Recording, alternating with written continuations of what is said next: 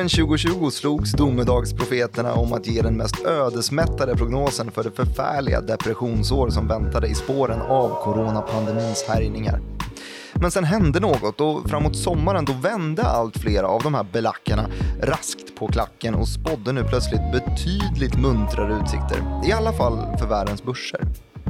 Samtidigt stod många framträdande investerarlegendarer kvar med skägget i brevlådan och kallade uppgången för avskyvärd och spekulativ, vilket skulle rendera i rubriker om den mest hatade tjurrusningen någonsin efter att indexen klättrat tillbaka upp och i vissa fall förbi rasnivåerna från när viruskrisen utbröt.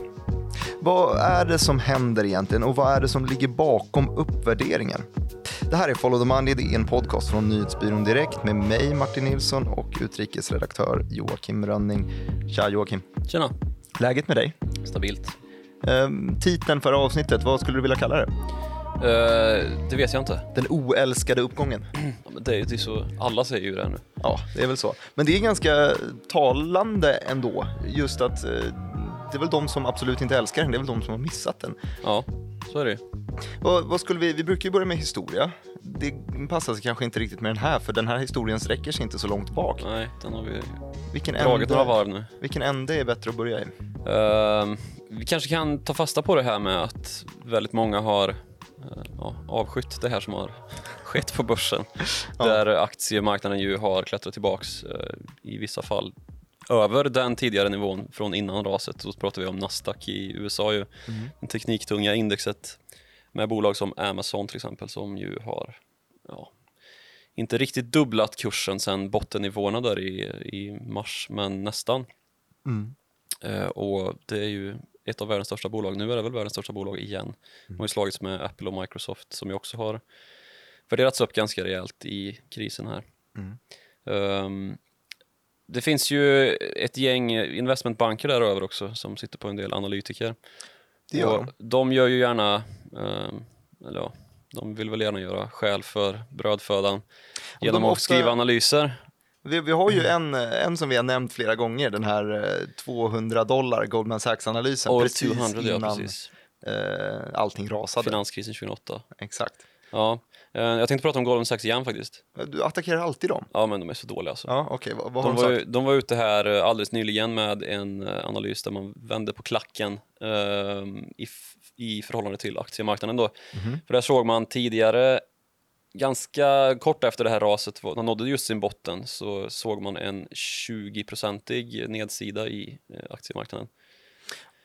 Okej, så de, de sa då alltså att när vi stod på botten där i mitten av Ja, eller strax mars, efteråt, så att, Ja. att det finns ytterligare 20% då att ta av. Så de var pessimistiska Ja, väldigt pessimistiska. Mm. Eh, men någonstans här längs vägen upp då så har man ju uh, förbryllats och eh, ja, för två veckor sedan eller vad det var så kom en ny analys då, en uppdatering där det där man då hade skruvat ner den här nedsidan då till 10% Mhm. och eh, ja, helt och hållet baserat det i princip på uppgången som har varit dittills utan att ge närmare förklaringar än de mest uppenbara då Federal Reserves gigantiska stödpaket och sådär. Men jag tycker det där är också ganska talande, just för att, att man inte kan ge någon, någon fundamental anledning till Mm. vad man ska sätta riktkursen till, just för att det handlar så mycket om eh, interventioner från politiska håll och från centralbankshåll. Och de här två grejerna är ju omöjliga att förutse eftersom att det handlar om eh, det handlar om, om beslut, det handlar om politik i Mm. många fall och det handlar om eh, hur eh, centralbankskommittén tolkar Mm, marknaden. Och det blir ju som att spå i ett kaffesump lite grann. Exakt, det handlar ju inte om hur konjunkturcykler mår. Utan Nej, sen ska jag väl vara schysst och säga att det finns ju andra analytiker på Goldman Sachs som de ju har, de har ju ganska gott om analytiker eh, som tycker att eh, det där borde vi inte ha sagt i först, från första början. Att aktiemarknaden alltså hade mer att falla. Mm. Sen så eh, är det ju mycket kopplat till då den här V-återhämtningen som eh, det pratas vitt och brett om som eh, Donald Trump väl är den främsta förespråkaren för att det kommer bli en total V-återhämtning. Och i nuläget så är det ju precis så det ser ut. Aktiemarknaden i alla fall. I aktiemarknaden. Realekonomin, nja. Nej, Inte precis. Eh, men i aktiemarknaden så är det ju, men, men samtidigt då, V1 är ju också inledningen på W1, om man så säger. Ja, om man är pessimistisk lagd. Precis, om det, om det nu skulle bli en tillsättning då. Det var ju det som hände i förra veckan, eh, torsdagen i förra veckan. Och då är vi, vad blir det, eh, 8, 9 juni någonting. Så hade vi ju en, eh, ett rätt bra nedställ på världens börser i samband med då att eh, det började tillta lite virustal igen i de här delstaterna i USA som hade öppnat upp lite tidigare. Och det blir ju en eftersläpning då eftersom att vi har en inkubationstid på upp till två veckor ungefär. Så man såg då att eh, shit, det tog fart igen.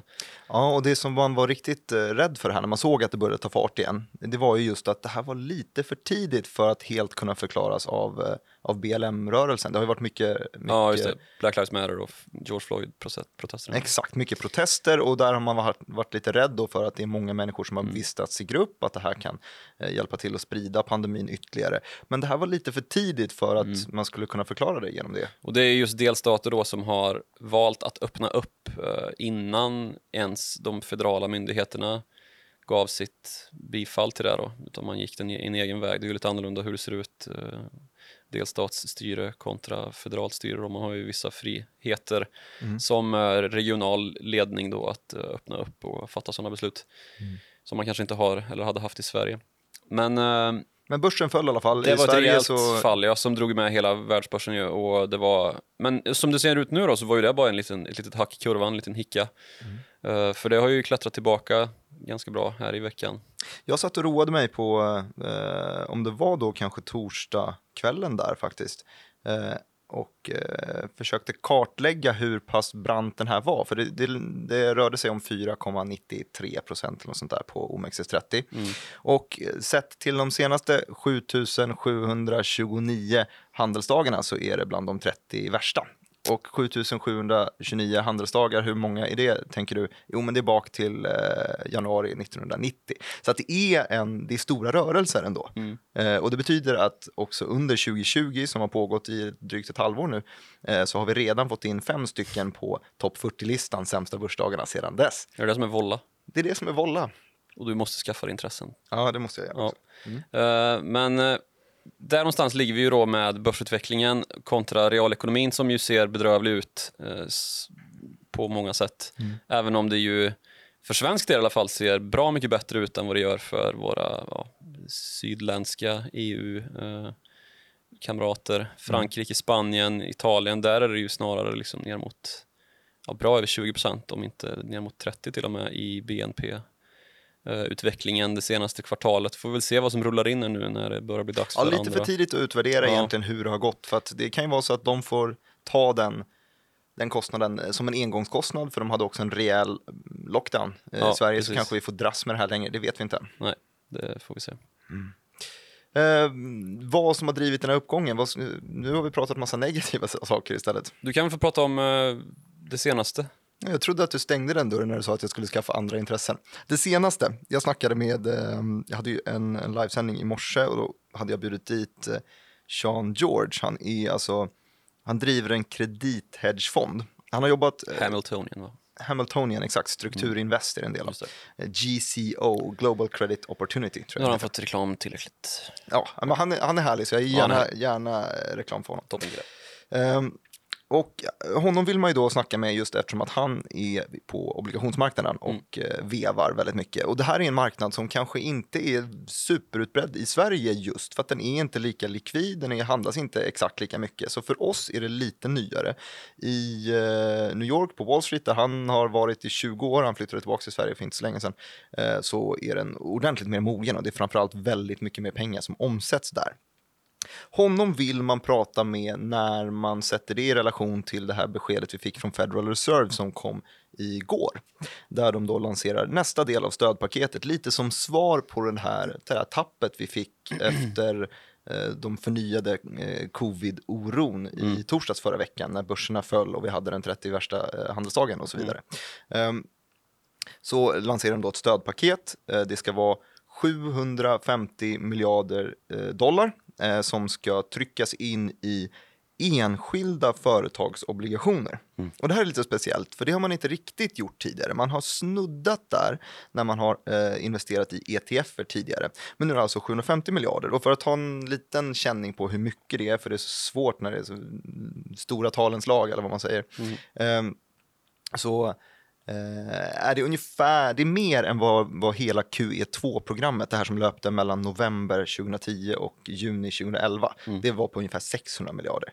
Eh, och eh, om vi kan ta takten under hela finanskris QE-paketen så nådde den högsta takten på att man investerade 85 miljarder dollar per månad. Nu är det alltså 750 miljarder dollar som ska in pronto. Eh, ja, pronto kommer det inte bli, men man kommer köpa löpande eh, på Ja, företagsobligationssidan. finansiera företagens skulder. Exakt, det gör ju helt enkelt att det blir lättare för dem att få finansiering för det är ingen annan som vill ge det till dem. Eh, och då frågar man sig då vilka företag är det som kommer få ta del av det här? Och då sätter man gränsen vid investment grade. Det finns ju då alltså sådana här kreditvärderingsinstitut, eh, Fitch är en, eh, Standard Poor's är en. ehm, som då hela löpande värderar eh, hur ser kreditrisken ut i respektive företag. Det har vi på svenska sidan också. Ehm, och då satte man gränsen vid investment grade. Det är den eh, nivån som är BBB minus från Standard Poor's tror jag det är som använder den. Det ser lite olika ut nu. Ehm, och det betyder alltså att trade-offen är att alla bolag som har sämre rating än så får inte ta del av det här eh, paketet egentligen. Och varför satte man den gränsen precis där undrar du? Jo, för att, ehm, för att det måste man också ta i vilken eh, avstämningsdag man lutar sig mot. Då har de satt den 23 mars tror jag att det var. Och kollar man på den 23 mars, mars så är det precis dagen innan Ford tappar sin, eh, sin BBB minus rating. Så det är precis innan de ramlar ner, precis innan de blir en så kallad fallen angel, alltså ett företag som har varit eh, stort och bra och mäktigt men som har ramlat ner och fått mycket sämre kreditvärdighetsbetyg. Och det är inte så konstigt att Federal Reserve väljer just det här avstämningsdatumet. Det låter ju lite ehm, Politiskt? lite politiskt, men det är just för att det är politiskt. För att eh, Federal Reserve skiljer sig lite från Riksbanken. Mm, just det, vi är, inte vana, vi är inte vana vid det här hemifrån. Här. Nej, och det var en debatt redan alltså efter, under typ eurokrisen och eh, efter finanskrisen om man skulle utöka en centralbanksmandat. För att just nu så har vi ju Riksbanken då eh, som har sitt mandat att hålla eh, en hyfsat fast penning, eh, vad säger man, växelkurs. Alltså eh, pe- penningvärde ska vara hyfsat fast. Man ska sätta, eh, nå ett inflationsmål på 2% Sen ska tappa 2% i värde varje år. Och då håller den sig ganska stabil och då kan man räkna med att den alltid är där och då blir det förutsägbart och så vidare. Och så ingenting mer egentligen. Det ska också vara ett säkert betalningssystem som fungerar. Eh, Men Federal Reserve, de har det här. Och sen så har de också ett sysselsättningsmål. Vilket betyder att när de utvärderar sina policies så ska de välja att rädda de företagen som räddar flest jobb. Vill man vara riktigt cynisk så ska man säga att de ska göra så effektiva zombieföretag som det bara, de ska vara så effektiva i sitt mål Ja. att göra så många zombieföretag som möjligt. Ja. Bevara så många jobb som möjligt helt enkelt. Um, vad, vad var jag i det här? Ja, jo, men och det är sådana här typer av stimulanspaket som också driver den här eh, oälskade uppgången vi har sett. För vi har sett alltså miljarders miljarder som har investerats. Jag såg en, en graf som där, där eh, man såg utvecklingen på Federal Reserves balansräkning, alltså hur mycket nya pengar de har fått i relation med eh, finansminister Mnuchin, som jag inte kan uttala hans Minuchin. Mnuchin, tack så mycket. Ehm, eh, hur mycket belåning han har gjort på, för amerikanska staten. Och det är som att de tävlar i vem som kan göra mest. Och allt det här eh, speglar ju sen av sig på finansmarknaden såklart och driver på en, en fortsatt uppgång. Mm. Ja, men det var väl ungefär det då, Ja, som vi pratade om. nu. Ja, jag ska göra det. Jag tar ett glas vatten också. Ja, gör det. Men sen så har vi ju en massa andra eh, inspel kring det här som har att göra med uh, vart, vart pengarna kommer ifrån och vad som driver uppgången. Uh, ifrån, för det är, ju, det är ju inte bara Federal Reserve som investerar, de köper ju inte aktier än så länge. Eh, så man kan ju fråga sig då vad, vad, vad är det som värderar upp de här aktierna och det är ju, det är ju människor i någon bemärkelse ju. Ehm, och det har ju uppstått väldigt mycket diskussioner om den här så kallade Robin Hood-effekten och då är det inte den klassiska Robin Hood-effekten, alltså Ta från de rika ta från och ge till de fattiga. fattiga, nej precis. Utan det är då eh, den här nätmäklaren Robin Hood i ett ord Mm. Som erbjuder gratis courtage. Det har ju uppstått ett priskrig på den amerikanska Avanza versus Nordnet-marknaden. Alltså, Men den har vi pratat om tidigare. Ja, precis. Vi har pratat om, eller i alla fall i Trading Direct vet jag att vi har pratat om, eh, de, det finns ju ett gäng där då, TD Ameritrade och E-trader och Charles Charles, Schwab. Schwab. Och så Robin Hood då. Mm. Det var när Robin Hood kom in på scenen egentligen som det här priskriget bröt ut då, för då erbjöd man via investeringsapp liksom att eh, privatpersoner kunde köpa aktier för Mm. noll cent courtage. Eh, och om man tittar på eh, uppgången i antalet nyregistrerade användare på Robinhood då under pandemin Mm. så följer den nästan tangentmässigt eh, Teslas uppgång. Vilket ju många har tagit till intäkt för då att den här Robinhood-effekten är verklig. Att eh, kanske är ett dåligt exempel Tesla just, men att, att ovana, eh, icke-erfarna investerare, oftast unga män dessutom, går in och investerar i hypade, illikvida aktier. eh, Exakt och så jag började uppgången. efter finanskrisen. Ja. Verkligen, verkligen exakt så. Men, och inget, inget, inget hat mot dem heller. Det, det är klart att vi har ju sett att, eh, att aktiemarknaden har fått mer utrymme i media och blivit, blivit hetare, blivit intressant. Och det är ju stora rörelser. Det är klart att det är intressant att vara med och när man hör talas om folk som gör mycket pengar så blir det ju, Ja. man vill ju vara med och ta en del av det där. Och vi har ju Precis, sett också det- att typ nyregistrerade kunder på Avanza och Nordnet är har ju funkat hur bra som helst trots Jo, Avanzas aktie är ju kraftigt upp, på tal om. Mm. Ja, precis. Ehm, och om man ska vara lite taskig mot den här Goldman Sachs-analysen då, så har det ju blivit lite av en uh, självuppfyllande profetia då, att eh, uppgång föder uppgång i princip. Mm. Ehm, och jag vet inte, jag har försökt hitta lite aktier som kanske skulle kunna ehm, bevisa den här teorin då, men det är svårt alltså. Ja, Eh. alltså jag tycker att det man kan kolla på, alltså det borde ju vara, det borde vara, vara brett, men det man kan kolla på är antalet nya Ja, aktieägare, precis. nyregistrerade. Det är väl det man får se på och någonstans ska ju den här pengarna, de här pengarna försvinna, de pengarna som de tar med sig in. Och eh, det man ser om Försvinna. Försvinna in. Ja, det var taskigt sagt också. Nej, men någonstans ska de hamna. Och Ja. alltså, bland de mest ägda eh, aktierna på, på Stockholmsbörsen, där har vi de stora. Vi har typ Investor och den Ja, typen Investor, av aktier. precis. Investor, vad är nästa? Det är väl typ eh, Jag skulle tro att det är Nordea, H&M, alltså den, Volvo. ja, den typen av. Men sen så om man kollar på de aktierna där man verkligen eh, där det är större volatilitet, där det är lite, lite mer illikvid och det är lite mer eh, lite mer hype egentligen. Då är det ofta de här typ binära typerna av läkemedelsbolag väldigt heta. Det skrivs väldigt mycket om dem på, på aktieforum. Det har vi pratat om tidigare. Att, eh, aktier som har en typ av produkt och eh, funkar det och den blir godkänd, ett läkemedel så att säga, eh, då sticker aktien och då kan den sticka 200-300 procent. Liksom. Ja. Och det är inte så, eller det är ovanligt att det sker, men går det bra så går det bra. Och eh, i de allra flesta fall, kanske 9 av 10, så konkar de så småningom. Eller blir uppköpta av något, an- något annat eller liksom eh, försvinner ut i, De växer i inte etern. himlen så ofta. Nej, det gör de inte. Men det är väl den här lite trisslott-effekten man vill Mm. åt då, om man Ja. Kanske vill ha lite lekpengar. Eh, Mm. och det, det tycker jag är kul än idag, att, så här, att spekulera på riktigt riskfyllda alternativ. Det är ju det är spännande. Liksom. Du är också en ung man och oerfaren investerare. Ja, det är exakt. Och jag gör det här då på, eh, på att spela, spela på fotbollsmatcher istället. På din fritid. Ja, det gör. Ja, absolut. ja. Nej, men, eh, det finns ju gott om exempel då, som du sa, läkemedelsbranschen är ju en sån som nu har eh, verkligen rosats Mm. eh, bland småbolag och det finns ju tillverkare av allt från handdesinfektion till till munskydd och dylikt som har stuckit i höjden och eh, det har varit väldigt tydligt då på eh, olika aktieforum, eller ja, ett och samma egentligen, eh, att, att liksom aktiviteten har gått upp där bara med eh, ja, mångdubbla procentenheter Mm. eh, mot vad de har varit innan. Så att eh, det är många som uppenbarligen har tagit den här krisen som en, en möjlighet att eh, ja, Men få det upp man- intresset kring den egna verksamheten. tycker jag man får ge dem också, för att det är ofta många bolag som är, liksom, som är flexibla. Mm. Men som Eh, ett av de här är Cancera till exempel som har fått mycket utrymme senast. Jag tror att de ansökte om att få göra en studie på just covid-19 i, i maj eller så eh, och nu väntar de väl på godkännande. Jag vet inte exakt hur det ligger till men det är en sån här som har cirkulerat mycket. Och innan covid så forskade de inte på den typen av grejer men det är helt enkelt att de är flexibla i sin verksamhet.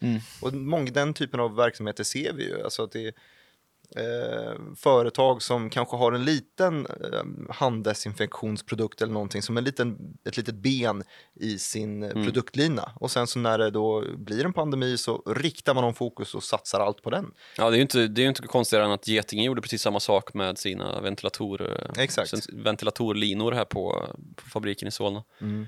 Att man bolade upp. Eh, precis, men det är vissa då som har, ingen nämnd, ingen glömd, där det blir väldigt tydligt då när man sitter vid desken och får in pressmeddelanden och läser sådana hela dagarna. Mm. Att eh, det, det har varit lite huggsexa om att ta utrymme i, i ja, pandemins...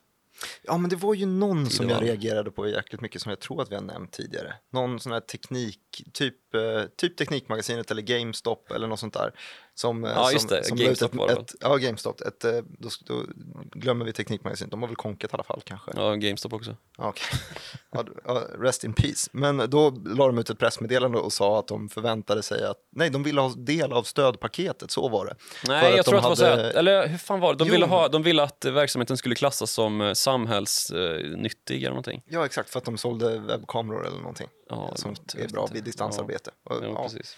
Ja, den typen av kopplingar, de ser man ju hela tiden. Ja. Känner du till den här, ja den här har du hört, vet, eh, när din taxichaufför börjar prata aktier, Ja, då det. är det dags att kanske lämna marknaden. Vad pratar han om? Hen? Ja. Ja, det, I det här fallet var det faktiskt inte min taxichaufför. Jag eh, försöker spara pengar och lägga det på att betta på små skitaktier istället. Nej, ehm, I det här fallet så var det, eh, häromveckan så satt jag och eh, satt och gameade, satt och spelade dataspel eh, online med, eh, med några vänner och så vidare. Och eh, det var en, en sån här massiv multiplayer online-grej. Ännu ett intresse. Bra. Ännu ett intresse. Mm, Ja, jag, har, jag har det och jag har statistik om börsen. Ja. Eh, ja, nej, men, och då, då, sådana här världar de ser då ut så att vem som helst kan, eh, kan koppla upp sig och så, så fightas man eller, eh, eller snackar skit eller vad som helst där inne. Och eh, eh, då Fortnite. sprang jag runt och så stötte jag på en, en karaktär som hade döpt sig själv till Börsmäklaren. Mm. Och där, redan där så ryckte jag till lite och tänkte oj, det var lite, lite ovanligt att dels att stöta på en svensk bara sådär, men dels också att stöta på en svensk med samma intresse som jag. Ja. Och innan jag ens hann liksom ta mig vidare eller kontakta den här personen så vrålade han ut, kan du gissa vad han vrålade? Nej. Clemondo 3 kronor. Clemondo 3 kronor. Ja. Clemondo 3 Ja, kronor. Eh, Och det var, det var ungefär då det var ett, ett, en, en rusning i just Clemondo. Jag, Som tillverkar, tillverkar allt mer handsprit ju längre och, och den då tänkte jag verkligen på det här, ja okej när taxichauffören, Ja. det kanske har bytts ut då när Fortnite-spelaren börjar vråla, det var inte Fortnite i det här fallet, men när online-spelen, Ja, när det börjar absolut. Mm. dyka upp där, då är det varningssignaler helt Ja, enkelt. inget ont om Clemondo, det är väl bra att de gör handsprit. Absolut. Eh, men gaming pratar du om. Ja. Det är ju en bransch som har sett en rätt duktig uppvärdering och det är ju också så här, eh, bolag som har lite grann dragit nytta av att folk suttit hemma. Ja. Som vi sa, GameStop försökte få sin, sin verksamhet samhällskritisk. Eh, det har ju inte gamingbolag överlag gjort, men man har ju däremot eh, haft en liksom, nytta av det här i den egna affären. Ju. Eh, att folk helt enkelt har varit mer online och eh, öppna för att spela. Eh, och där har vi ju sett rätt bra... Jag visste att du skulle komma hit så därför Ja. eh, plockade jag upp min, för jag skickade en, eh, en bild till en polare häromdagen om de gamingbolagen på eh, Stockholmsbörsen som har gått allra bäst Ja. year to date, alltså första januari 2020 till idag. Och vi har alltså Överst här så har vi Fifth Planet Games som har gått 493 procent. Det är väl de som absolut sticker ut. Sen har vi Kiwi som är upp 182, Stillfront är upp 100 procent, G5 är upp 97. Alltså det är inte ovanligt, även de lite större som typ eh, Embracer Group 65 procent. Vi har eh, Paradox är upp eh, 25 procent. Gaming Corps och Starvolt är väl också upp rätt mycket. Ja, de är uppe ordentligt mycket. Ja. Det är väldigt få som är på minus i alla fall. Ja. Trots att vi har haft eh, en av eh, vår tids största kris har vi haft under den Mm. Jo, här tiden. precis. Men det här är ju då be- beteendebetingat ju. Ehm, och på samma sätt då så har vi ju sett uppvärdering i e-handelssegmentet. Rätt rejält. Och där har vi ju inte minst Kinnevik som har intressebolag, eh, så som, eller intresseinnehav, bland annat Zalando då, som man ju nu sålde av en Ja, men exakt, tänkte precis på det. bra del av just för ja, det, man drar väl, tar väl nytta av den uppvärdering som har skett då. Mm. Eh, man har ju även innehav i Global Fashion till exempel. Mm. Ehm, och där har vi ju även Boost, en eh, e-handlare, Mm. mode-e-handlare. Sen så har det ju blivit, som vi har eh, pratat om i ett alldeles, eh, ja, det senaste avsnittet, ju vätgasbolagen, eh, klimateffekt, att många politiker anser att nu när vi ska ur den här krisen så kan vi ju ta oss ur den på ett klimatvänligt sätt då och börja den här omstöpningen av energisystemet. Mm. Och där har vi en massa svenska och inte minst norska Nel-aktien ju. Mm. Ehm, som har också, liksom, jag tror inte det är en enda aktie i den som har en beröringspunkt till vätgas ja, omställningen som inte har gått upp 100% vid det här laget Mm. de senaste tre månaderna. Och där finns det ju lite, lite pengar att hämta liksom från eh, Ja, precis. Och det är ju då att stater slänger pengar på det, Ja, på vad, allt, vad som princip helst. alltså, att man ska sk- gå från pilotprojekt till aktiva och lite mer storskaliga industriella projekt då. Eh, få ner priset på elektrolysmaskiner då, som Nel gör. Mm. Ehm, och ja, via stordriftsfördel då som, som sagt och genom att kasta pengar på problemet i princip. Mm. Ehm, sen så har vi på andra sidan då PowerCell och Cell Impact och vad de nu heter. Mm. Ehm, sen så har vi vissa branscher som ju rasar ihop fullständigt i början av krisen och som har haft det tufft redan innan också ju. Uh, bettingsektorn är väl den bästa vad det gäller den kategorin. Som dels har då- rasat ihop menar du? Ja, alltså som den hade ju rätt, ett rätt tufft 2019 med Ja, men det var ju då nya regleringarna Precis, kom in. nya regleringar mot eh, spelreklam och ja, hur man betedde sig i det offentliga. Mm. Ehm, och tjänade pengar på spelmissbruk och dylikt. Mm. Ehm, Men de har ju gått otroligt bra på Ja. sistone sen. precis, och då har väl folk eh, efter det här raset då som ju, alltså dels det här 20, tu- tunga 2019 som följdes då av pandemiraset, så var det ju många som tyckte då att det här är ju alldeles för billigt nu. Mm. Och ehm, där har vi ju Betsson bland annat som har klättrat förbi sin ja, Men alla- förevarande alla de- kurs innan krisen slog till. Leo Vegas, Bet Betsson, Kindred har nog gått lite sämre. Men Ja. sen så har du de här som verkligen som är underleverantörer till Ja, sektorn, precis. typ Evolution Kambi. Gaming. Catena Media. Netent. eh, ja. Gått otroligt bra. ja, verkligen. Eh, vad heter de som inte kom in på Women's 30 här förra veckan? Evolution Gaming. Ah, just det. Mm. Det är Ja, också upp, bara fortsätter upp. Ehm, ja, där ligger vi någonstans. Du, en andra våg då, vad är folk rädda för? För Ja. det här ska ändå vara någon, vi ska inte bara sitta och rabbla bolag som går bra och dåligt, det vet folk redan. Ja, precis. Upplysta Risken lyssnare. nu, eh, som folk tittar på, vilket vi såg tecken på ehm, den här torsdagen vi snackade om när, Mm. det, när det rasade så pass mycket, är ju just en, en andra våg. Och anledningen till att vi såg att det var det som börsen reagerar på, det är ju just det här eh, gigantiska tappet i just, eh, just flygbranschen till exempel och den nöjesbranschen, den som slogs hårdast när krisen tilltog från första början. Det är Mm. den som började skaka igen när vi såg, oj, här kommer en annan, andra våg. Mm. Eh, vad stämmer? Hur går det? Hjälp, vad ser du? Vi kan, vi kan börja med att ta på mig min uh, epidemiologhatt igen. Ja, men gör det. Äntligen. Det var länge sedan. Eh, men en av våra mest lästa texter i, i, på måndagen i den här veckan var uh, helgens rapportering om eh, norska laxbolagens fadäser. Eller ja, nu vet man väl inte om det var norska just, men laxbolagen i Norge rasade ju ihop fullständigt under måndagen. Fullständigt var över 5% ner på de flesta hållen i alla fall. Mm. Och det berodde på att man då i Peking hade hittat eh, coronavirus på en skärbräda eh, under helgen här. Alltså det, det, är, det är flera saker som har gjort mig förvånad av den här grejen. Eh, Först och främst så gjorde det mig förvånad över hur jäkla stora de här bolagen är. Alltså Mowi, som är väl den största, är 100, eh, vad fan, 100 miljarder. Ja. Gigantiskt företag. Jag fattar inte att lax var så jäkla stort. Och det finns ju... Laxolja. Det är det de Laxolja, på. men det finns ju fem, sex stycken till som är samma sak. Leroy och Backafrost och Salmar, olika laxföretag. Mm. Nummer två i det här är att, att kineserna importerar norsk lax. Det Ja. visste inte jag. Nej, men det är väl samma där då, att det är stordriftsfördelar och att eh, norrmännen har mycket odlingar och alltid har haft och ser till att investera duktigt i det. Så eh, det är ju, Norge och Chile är väl världsledande på, på laxfronten. Ehm, och det exporteras ju globalt såklart, när, annars så blir det inte ett så stort bolag av det. Ehm, och Norge har ju dragit öronen åt sig duktigt också liksom i det här eh, exportspelet som ju är eh, kring laxen.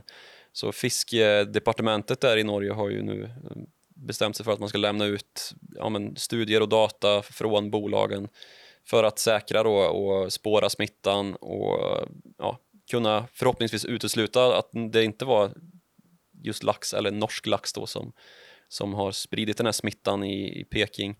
Det känns ju snyggt tycker jag. Absolut, det får man väl säga. Det är ju att vinnlägga sig om. eh, Ja. Det känns ju som ett, eh, en organisation som tror på sig själva att det här inte var dem. Ja. Hade, hade det varit dem, om man var säker på det, så hade man ju inte lagt ner resurser på att visa att så var fallet. ja, jag vet inte. Här är next level thinking helt Ja, det enkelt. är väl det. Men eh, i alla fall, det är ju då den tydligaste farhågan då kring en andra våg och vi kanske ska sönderdela terminologin här för att förstå vad vi egentligen pratar om. Ja. För det är ju då i grafen att vi ser en, en andra puckel i, eh, i smittspridningen, antalet nya smittade.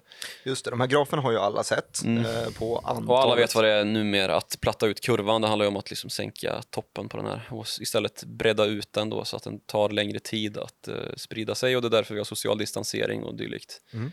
Eh, tvättar händerna och, inte, och jobbar hemifrån så mycket vi kan. Nu är det väl så att de flesta pandemierna får en andra våg eh, och det kan bero på olika saker. Det kan ha med årstidsväxlingar att göra, det kan ha med att viruset muterar att göra. Nu ser inte det här coronaviruset ut att mutera sig särskilt snabbt. Ehm, Men det man har sett då är ändå att den här virusstammen som spred sig i Kina nu har ett, den finns också i Europa. Så den lilla, jag vet inte om det har med mutation att göra ens, men, men det har man kunnat spåra då i alla fall och det var därför norska laxbolag blev misstänkta när man hade lax på den här skärbrädan. Ehm, men sen så, som sagt så kan det också, ehm, den här andra vågen då, kan också ha att göra med att viruset ligger kvar. Det försvinner liksom inte, för vi, man kan inte döda virus på det sättet. Utan att det ligger kvar lite latent hos, eh, hos folk och sen så sprids den och så får bättre fäste då under andra ja, årstidsförhållanden. Ofta därav förkylning som inträffar under höst och vinter. Ju. Eh, att virusen fäster bättre då. Eh, och att det under sommaren då av rent fysiologiska skäl som högre luftfuktighet och värme gör att eh, ja, det är lite sämre förutsättningar för virus. Så det är väl också liksom frågan om vi ska kalla det för en andra våg eller om man ska kalla det för att, eh, ja, att det tar att det första vågen får ny fart. Liksom. Ehm, det, och vi påverkar ju det här väldigt mycket genom vårt agerande ju. och det är ju därför vi har folkhälsomyndigheter som ger oss råd om hur vi ska bete oss. Eh, så det är ju mycket beroende på just eh, de olika instruktionerna som, som ges från de olika folkhälsomyndigheterna i världen. Så det här, det här måste jag också sönderdela då. För en andra våg i, i Kina behöver inte betyda att det blir en andra våg i Europa och en andra våg i USA behöver inte heller betyda att det blir en andra våg i Europa. Så det är väl där någonstans eh, tyckandet eller liksom resonerandet ligger. Men det är just ett väldigt resonerande för det är ingen som vet det här heller utan det, det är liksom alla, allas gissningar är så goda som någon annans Mm. i princip. men, men det, vi, det man kikar på då är helt enkelt antalet, om antalet eh, covid-sjuka stiger så från, Ja, eller var tidigare än vad det var förra veckan så Det är också väldigt svårt att, att säga eftersom att nu eh, är vi ju mycket mer förberedda på det här viruset och nu har vi mycket bättre testkapacitet. Det är ju någonting som, som saknades i början på det här förloppet, att vi, vi kunde inte testa så vi visste inte hur många som var sjuka. Nu har vi en bättre koll på det. Eh, så det, liksom det bästa statistikmåttet är ju fortfarande antalet döda och då är problemet att det släpar så pass mycket som eh, flera veckor innan, man, ja, men innan de som insjuknar faktiskt dör också. Eh, Det vi inte har däremot, vi har jättebra förberedelse, vi har eh, fått ett ordentligt generalrepetition, men vi har inte tålamodet tror jag. Och det är det som märks. Jag tror att det är Mm. svårt för, för eh, folk att liksom gå bak några steg. Precis, och, Och det, typ gå in i en hårdare lockdown Ja, än vad vi haft i och det i har ju de flesta politiker eh, här i väst i alla fall sagt, liksom, att det, det blir ingen andra total lockdown. Och det är ju någonting som eh, många av de här analytikerna också tar hänsyn till i sina analyser, att eh, eh, nu när vi i, är igenom den här första fasen som slog hårt och rejält mot hela ekonomin, så kommer allt annat lika inte den andra uh, nedstängningsvågen vara lika brutal som den första var, vilket då talar för att det blir en mildare effekt på ekonomin och en mildare effekt på likviditet och finanser Men i kanske allmänhet. inte en mildare effekt på dödstalen. Nej, det, det är ju fullt möjligt. Eh, och det har väl delvis med eh, vår uthållighet att göra, men också med eh, ja, eh, ett val i USA till exempel. Det är ju, USA är ju fortfarande epicentrat för den nuvarande smittspridningen. Finns det någon risk att de eh, väljer att skjuta upp den här? Går det att göra? Ja, det har väl varslats lite om det. Eh, Så samtidigt som han har sagt att det blir absolut ingen ny nedstängning så, så har han ju varit ute och varslat om att det, eh, han är ju missnöjd med det här poströstningsförslag och dylikt som har lagts in. Eh, Så vi får väl se vad det landar i där, men det finns det ju en ganska hyfsad opinion emot också, så det ska nog mycket till. Men eh, som sagt, det, han, Donald Trump har varit ute och sagt att det blir ingen andra nedstängning på det här sättet som vi hade i de här första 8-10 veckorna som var. Eh, däremot så kan det ju ske på lite mer regionalt håll, som ungefär nu i Peking så har man ju börjat spåra just som man gjorde i, i Sydkorea och Singapore där det ju var mycket mer lyckat hur, man hanterade det här viruset. Dels då för att man hade mycket mer erfarenhet från tidigare utbrott av sars och dylikt, men också då för att man eh, eh, byggde upp en snabb kapacitet att spåra de fall som fanns och se vilka har ni varit i kontakt med, okej vi tar in dem, testar dem och isolerar och, och sätter i karantän och sådär. Så den kapaciteten har ju också kommit upp både i USA och i, eh, ja, i hela övriga världen nu, eller ja, hela övriga världen ta i kanske, men i, i alla fall i Västeuropa och Kina och ja, andra regioner av lite mer ekonomisk eh, tung, ty, tyngd, om man säger så. Mm. Um, men uh, ja, det är ju många, många intressanta aspekter kvar här och det är ju lite av en liksom, dråplig effekt att den svenska ekonomin som sagt har tagit så lite stryk jämfört med uh, ja, kontinenten. Uh, se, se på Spanien, Italien och, och Frankrike då som, som ser t- ja, 20 plus procentiga eh, tapp i BNP medan vi ser under 10 procent. Ja, man får nog, som, som, som jag sa precis då när du nämnde det nu senast, att eh, man får, får faktiskt ha längre sikt på det också. Ja, absolut. Det liksom Ehm, och det har ju Stefan Löfven varit eh, tydlig med att, och även Anders Tegnell då när han var självkritisk, att det var ju inte för att rädda ekonomin som vi, som vi vidtog eh, klart mildare restriktionsåtgärder eh, än vad våra grannländer och ja, de flesta andra ju eh, gjorde. Eh, så det är, det är en dråplig effekt, får man ju säga, verkligen. utan att vara konspiratorisk. Mm, Tack så mycket för epi- epidemiolog eh, Joakim Rönning. Jag har Den fortfarande hatten. inte lärt mig det ordet. Epidemiolog, Epidemiolog. Ja, byråepidemiolog eh, och utrikesredaktör. och utrikesredaktör. Eh, jag tycker att vi har eh, betat av det här. Det var Ja. ett mysigt avsnitt tycker Ja, jag. Trots att det var ja, men kanske vårt tionde just corona-avsnitt. För det var lite mer coronafokus än vad det brukar vara. Ja, vi är ledande mer- coronapodd. Ja, det är vi nog faktiskt. Jag får tacka er som har tittat och er som har lyssnat ju. Man kan ju lyssna på oss via alla podcastappar. Man Gör kan det. titta på oss via YouTube. Det kan man göra. Varför vill du inte att man tittar på oss? Är du missnöjd med utseendet idag? Jag känner mig lite underklädd kanske. Ja, bredvid Ja. mig som har skjorta ja. Men det är för att jag har gjort lite intervjuer idag. Ja, eh, tack i alla fall. Och har ni några åsikter, ja då kan ni skicka in det till followthemoney.direkt.se så svarar vi på varenda mejl som kommer. Jag är även på Twitter. Nej, inte riktigt alla kanske. Jo, jag svarar Inte på allt. jag fick ju lite saudiska troll efter mig. eh, efter du inte på dem? lilla Saudi-avsnitt. Ah, du svarade inte? Eh, jo, det klart jag gjorde. Ja, bra. Fint. Ja, och så finns vi på Twitter. Du heter snabel Joakim Ronning. Mm, och du heter Direkt Martin numera. Direkt Martin. Mm. Tack så mycket för att ni hängde med. Ha det så fint. Hej.